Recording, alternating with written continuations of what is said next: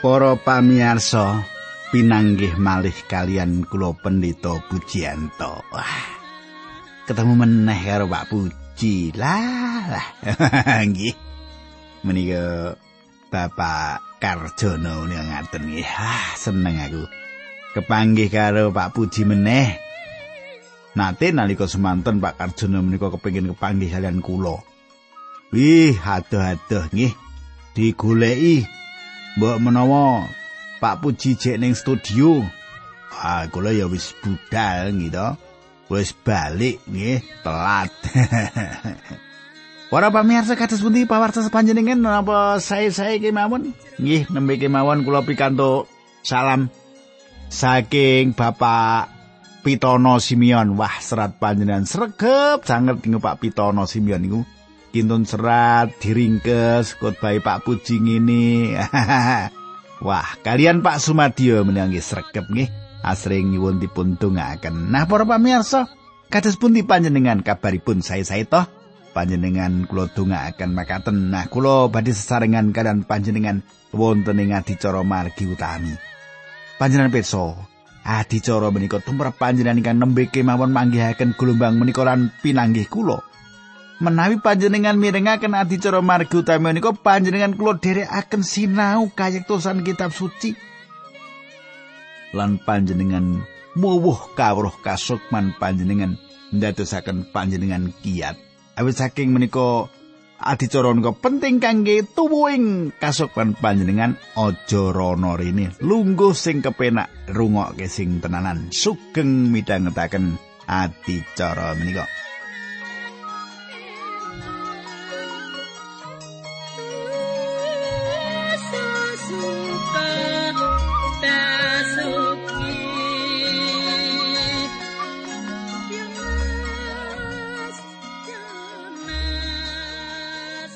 Para pamirsa, kula badhe ngringkes pepanggihan kita kepengker. Kita sampun nyemak pilih minangka tiang ingkang kumandel dumateng Gusti. Kita kedah sumindhi dumateng pangandikanipun Allah. Gitu, kedah sumindhi dumateng pangandikanipun Allah. Monggo kita lajengaken nanging saderengipun menika kita ndedonga sesarengan. Duh Kanjeng Rama ing swarga ing wanci menika kawula ndongaaken sederek-sederek kawula. Ingkang samenika midhangetaken adicara menika paduka jebati kanthi roh suci paduka. Kawula mligi ndongaaken dumateng sederek-sederek kawula ingkang samenika mboten saged dhateng pundi-pundi awit sampun sepuh. Sampun mboten merdeka badanipun dados cancangan. Paring ana kesabaran Gusti.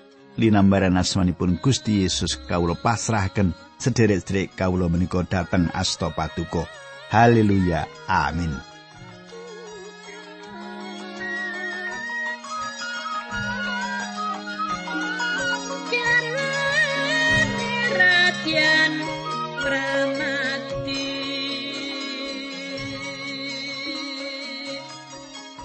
Para pamirsa, Samenika pasinan kita lumebet ing kitab Ayub sekawan. Tiga mitra Ayub, tiga sekabat Ayub sampun lenggah sesarengan kalian piyambakipun sak dangunipun pitung dinten. Lan para mitra menika gedhek-gedhek kados-kados sanjang makaten. Hmm, pungkasane perkara iki nempuh kowe Ketingalipun Ayub saged nampi sedaya panandangipun nanging piyambakipun boten saged nampi patrap ingkang dipun ketinggalaken para mitranipun menika. Piyambakipun rembagan kalian badanipun piyambak nglairaken pisambat lan raos awrat ing manah. Menika satunggalipun watek boten gadah pengajeng-ajeng ingkang saestu awrat. Ora duwe pengarep-arep lan boten gadah jawaban dumateng perkawis-perkawis ingkang nempuh piyambakipun menika babar pindah. Samenika ketiga metranipun wiwit sanjang dumateng Ayub ingkang kawitan inggih menika Alifas lan salajengipun Bildad lan pungkasanipun Sofar. Nami-nami tiang menika saged nyukani gambaran sinten to tiang-tiang menika sejatosipun. Elifas liripun Allah menika kegiatan utawi Allah menika emas murni. Bildad liripun lari kalegan. Piyambakipun menika mitra ingkang paling awon. Piyambakipun sejatosipun. Murang toto lan kasar caranipun. Sofar liripun burung gereja utawi burung pipit. Piyambakipun menika tukang ngoceh. Piyambakipun gadah ilat ingkang landhep lan nglairaken ucapan ingkang julik dumateng Ayub. Pirembakan ingkang lumampah satunggalipun tetinggalan ingkang sayektosipun para mitra menika sayektosipun badhe nyerang Ayub lan Ayub badhe atur jawaban. Menika ingkang kita sebat pertandingan kepinteran. nah, perkawis ingkang misuwur ing jaman semanten nggih ngaten niku. Pertandingan kepinteran. Ing jaman semanten tiang lempak kangge ngawontenaken tontonan pinter-pinteran. Kula gadah pemanggih. Ing medal pirembagan menika lumampah kathah tiang lempak mirengaken menapa ingkang saweg dumados. Kadang kula Kita kepingin gadah pikiran pilih tiang-tiang menika dereng gadah angger-angger nanging tiang-tiang menika nengenaken kapinteran. Lan kita nimbang-nimbang badan kita minangka tiang ingkang kagungan toto ingkang sampun majeng kita nengenaken perkawis manen, kita mboten kados tiang kino menika ngidap-idapi. Ayub nembe kemawon sambat. Biyambakipun rumaos sanget mboten gadah pengajeng-ajeng. Iblis sampun mlejeti. Biyambakipun saking sedaya ingkang dipun gadahi. Ayub kecalan sendenan. Mboten wonten papan kangge cepengan. malah Gusti Allah piyambak ketingal saestu tebih ing wekdal semanten. Elifas ingkang kawitan pindah celatu.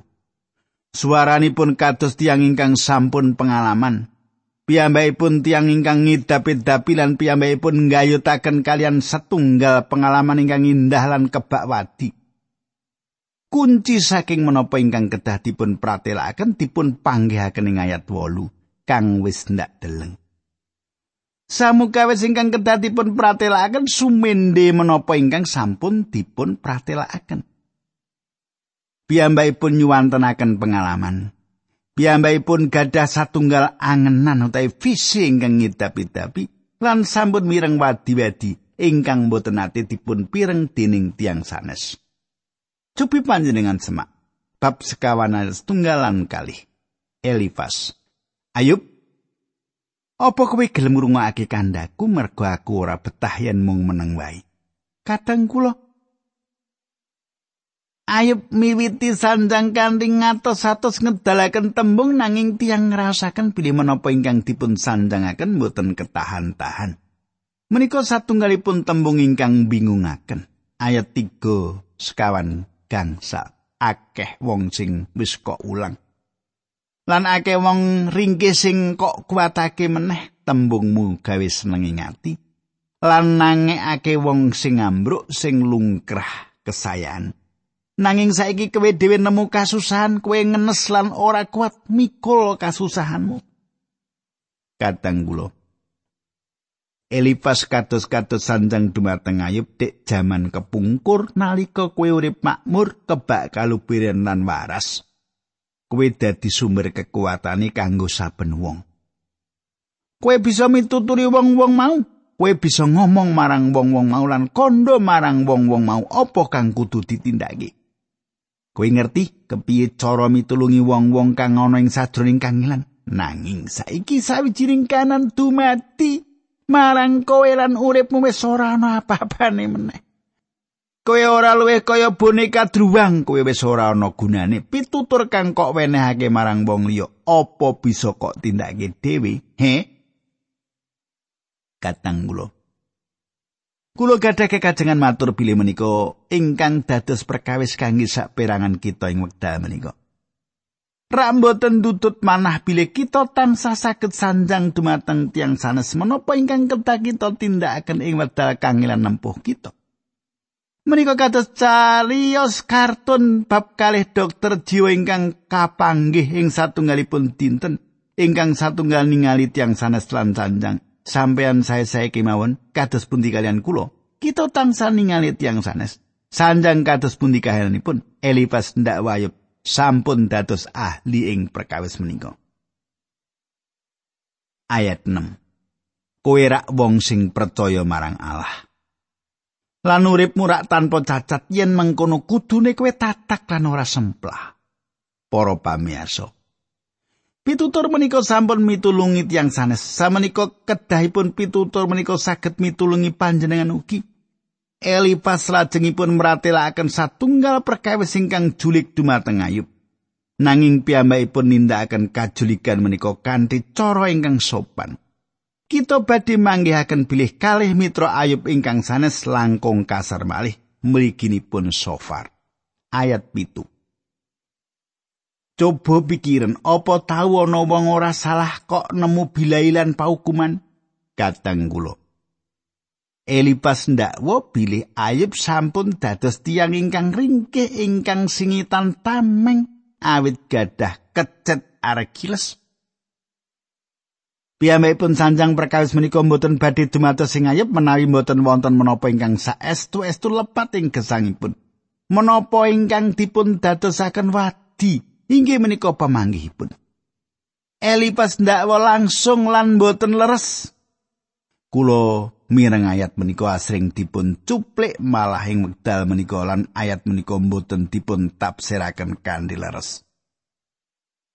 Samenika kita mangertos bilih pandak wa menika lepat lan boten leres kegayutan ayub awit ing awal kitab menika Gusti Allah mbikak menapa ingkang dumados ing kasuwargan kanthi makaten kita saged mangertos sinten ayub menika lan saged mangertos watek pantunipun. Para mitra menika badhe dados panglipur ingkang boseni awit para mitra menika boten tepang Gusti Allah lan para mitra boten mangertos badanipun piyambak. Kadang Kata sanget tiang ingkang budidaya ngrampungaken perkawis gegayutan, perkawis-perkawis kasukman ingkang boten dipun kuasani piyambak. Lelamisan ageng menika salah satunggal jalaran kula radi kirang remen nuntun tiang sanet. Rerausan kula sanjang bilih tiang menika putranipun Gusti Allah. Kajawi menika perkawis trap-trapan, perkawis teologi utawi kangilan sora kajasmanen. Perkawis menika saged dipun rampungaken antawisipun jiwaran rogo sak mbotenipun kita gadah sang juru sapaat kalian Gusti Allah. Ayub sambat nyuwun wasit tiang ingkang dados pantoro lan ing wekdal menika kita mangertos kita gadah tiang kados makaten menika. Setunggal Timotius kaliat gangsal awit Gusti Allah kuwi siji lan iya siji sing ngrukunake Gusti Allah karo manungsa ya iku Kristus Yesus. Para pamirsa. Samenika panjenenganipun menika panjenenganipun dumateng sinten kathah tiang Kristen ingkang kedahipun sowan sanes dumateng pendeta utawi psikolog. Lan menawi perkawisipun asipat kajasmanen kisah kemawon dateng dokter lan kita saged ugi sowan dumateng Gusti Allah. Sawetawis Elipas meratelaken pengalamanipun kula ugi saged ngaturaken saking pengalaman lan sanjang pilih Gusti Allah mireng lan paring jawaban donga ingkang gegayutan kalian kajasmanen lan gegayutan kalian kahanan kasukman kita.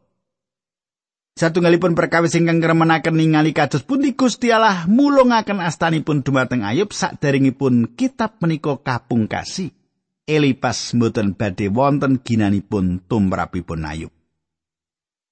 Ayat 8.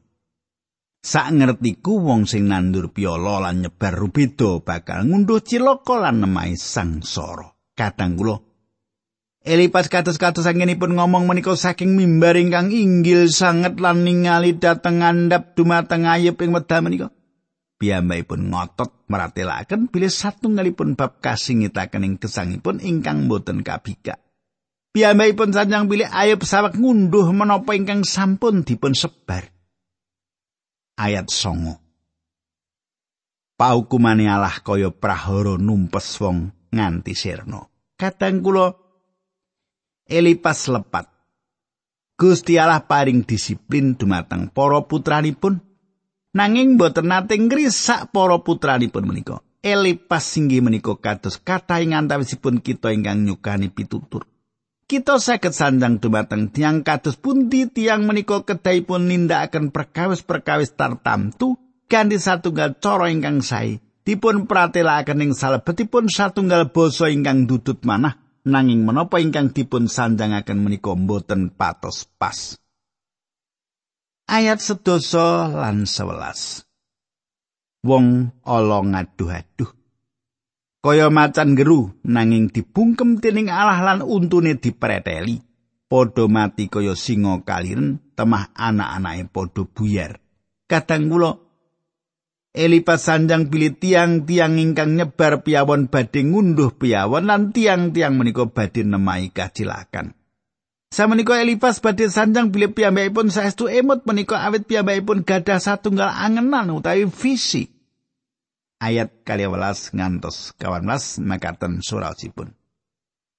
Tahu aku krungu pawarto kaya wangsit ing kupingku kaya impen ala ing wayah bengi sing ganggu aku sadurung turu.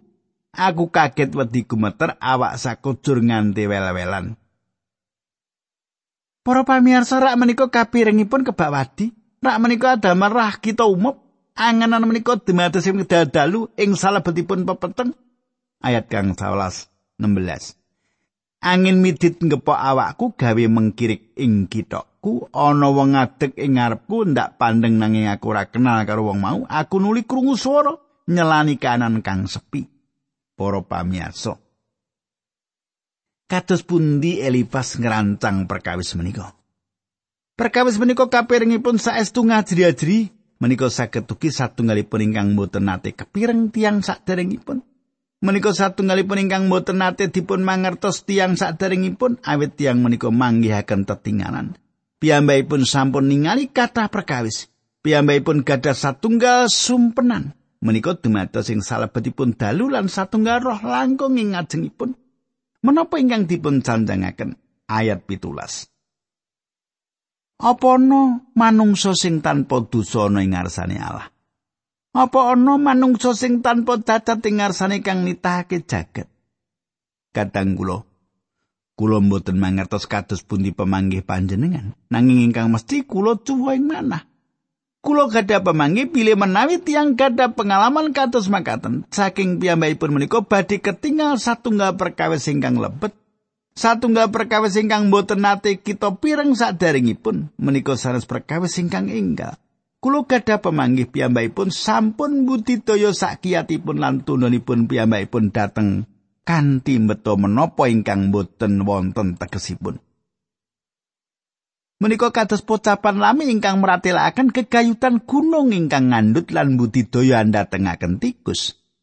Kulo gadah pemanggih inggih menika ingkang dipun tindakaken Elifas. Piyambakipun sawek budidaya sakiat tenaga ing mriki lan panjenengan gadah pengajeng-ajeng tiang menika badhe ngedalaken pranyatan ingkang ngidapi-dapi.